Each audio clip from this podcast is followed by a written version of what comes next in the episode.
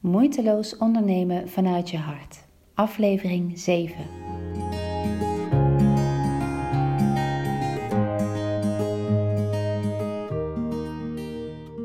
Ik ben Marloes Halmans en ik help ondernemers om hun droombedrijf te bouwen gebaseerd op hun echte talenten en op dat wat ze het meest gelukkig maakt. En om zichzelf zichtbaar te maken zodat ze de klanten kunnen bereiken waar ze het liefst mee werken. En in deze video beantwoord ik weer graag een vraag van een van de mensen die me volgt, die ze me gesteld heeft. En het is Marleen. En zij schrijft: Momenteel ben ik de opleiding tot life coach aan het afronden en wil ik voor mezelf beginnen naast mijn baan. Echter loop ik tegen één ding aan. Hoe bedenk ik een pakkende bedrijfsnaam? Heb jij hier tips voor? Nou Marleen, daar heb ik zeker tips voor. En het is ook een vraag die heel veel van mijn klanten, die bijvoorbeeld mijn training Bouw jouw droombedrijf volgen, omdat ze gaan beginnen, net als jij, met hun bedrijf, die ze aan me stellen van hoe doe je dat nou? en ik kan me nog heel goed herinneren toen ik in 2007 begon, dat ik ook geen idee had hoe moet je zo'n bedrijf dan noemen. En dat ik heel erg ging kijken hoe anderen dat deden. En op basis daarvan heb ik ooit een bedrijfsnaam verzonnen. En ik deel heel graag wat ik over de afgelopen jaren geleerd heb over hoe je eigenlijk het liefst je naam zou willen verzinnen. Mijn bedrijfsnaam in 2007 die ik koos is puur gebaseerd op wat ik dacht dat gebruikelijk, verstandig en slim was. Wat ik anderen zag doen die in mijn ogen heel succesvol waren. En dat was destijds dat je je achternaam pakte en dat je daar dus iets aan toevoegde over wat je deed. Ik startte een bedrijf in loopbaancoaching en ik heb toen bedacht mijn bedrijf Halmans loopbaanadvies te noemen. Nou, over de jaren ga je natuurlijk ondernemen en ontwikkelen en groeien. En wat ik je echt op het hart wil drukken is dat je steeds beter zult gaan voelen en begrijpen wat jij nou eigenlijk bent als ondernemer, waar je nou eigenlijk voor staat en ook welk gevoel jouw bedrijfsnaam en jouw merk, jouw bedrijf moet achterlaten bij de mensen die met jou in aanraking komen. En ik kan vooral me herinneren dat ik toen dacht, ja, Halmans loopbaanadvies, dat klinkt wel goed, zo doet iedereen dat. Maar als ik eerlijk ben, kwam ik er al vrij snel achter dat die naam eigenlijk veel te zakelijk was. Dus wat wil ik je op het hart drukken?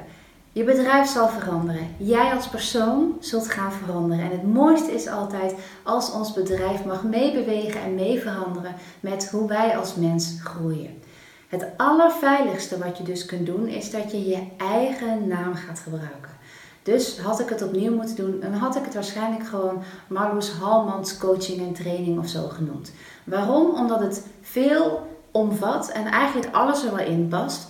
Want bijvoorbeeld nu, nu ik zelf alleen nog maar werk uh, met ondernemers en mijn tweede bedrijf ook onder een nieuwe naam met loopbaancoaching, gaat nog wel steeds alles op de factuur op naam van Halmans loopbaanadvies. En eigenlijk voelt dat helemaal niet meer goed. Als je je eigen naam gebruikt, dan kun je eigenlijk altijd uit de voeten, omdat je naam hoogstwaarschijnlijk, tenzij je trouwt of uit elkaar gaat met een persoon met wie je nu samen bent, omdat je eigen naam waarschijnlijk niet zal veranderen. Wat je dan kan doen, is dat je je eigen naam gebruikt en dat je een tagline, dus een vast zinnetje wat je eronder zet, gaat gebruiken voor ja, je uitingen naar buiten toe. Dus dan zou je dus Marloes Halmans, um, nou ja, mentor voor ondernemers of zo eronder kunnen zetten. Hè? Of in jouw coach Marleen Huppeldepup, uh, life coach voor jonge moeders bijvoorbeeld, als dat je doelgroep zou zijn. Dus met die tagline kan je altijd zorgen dat de mensen het juiste koppelen aan jouw naam. Wil je dan toch niet je eigen naam gebruiken? Kijk dan of je een naam kunt verzinnen die iets zegt over wat je doet. Zorg dat het een naam is die het goede gevoel oproept. Dat is echt het aller, allerbelangrijkste.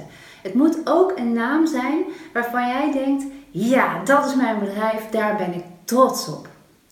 Toen ik met een team ging werken voor mijn loopbaancoachingbedrijf, omdat ik zelf geen loopbaancoaching trajecten meer wilde doen, liepen we precies tegen dat probleem aan. We waren inmiddels met een club van loopbaancoaches die dus de trajecten doen voor dat bedrijf.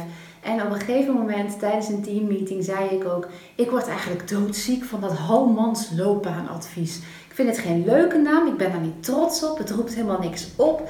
En er is te veel mijn naam in verbonden, zodat het eigenlijk voor jullie helemaal niet leuk is. dus dat is ook iets, stel dat je ooit op dat punt zou komen en dat je met een team werkt dan kan dat, het hoeft niet zo te zijn, maar dan kan het ook weer zijn dat je eigen naam je weer in de weg gaat zitten. Wat je dan kan doen is dat je je bedrijfsnaam laat zoals die is en dat je met een merknaam gaat werken, bijvoorbeeld voor je aanbod. In ons geval hebben we dat loopbaancoachingstuk de Happy at Work Agency genoemd. Maar op een veel kleinere schaal kan je dus ook bedenken dat je je naam gebruikt, Marleen, jouw voor- en achternaam, life coach voor moeders bijvoorbeeld.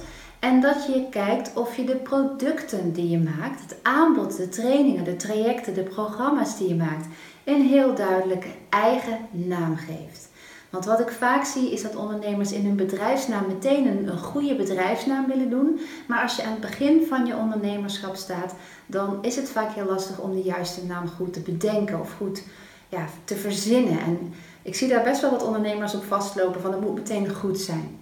Dus mijn advies is, neem je eigen naam en gebruik een tagline om duidelijk te maken waar het over gaat.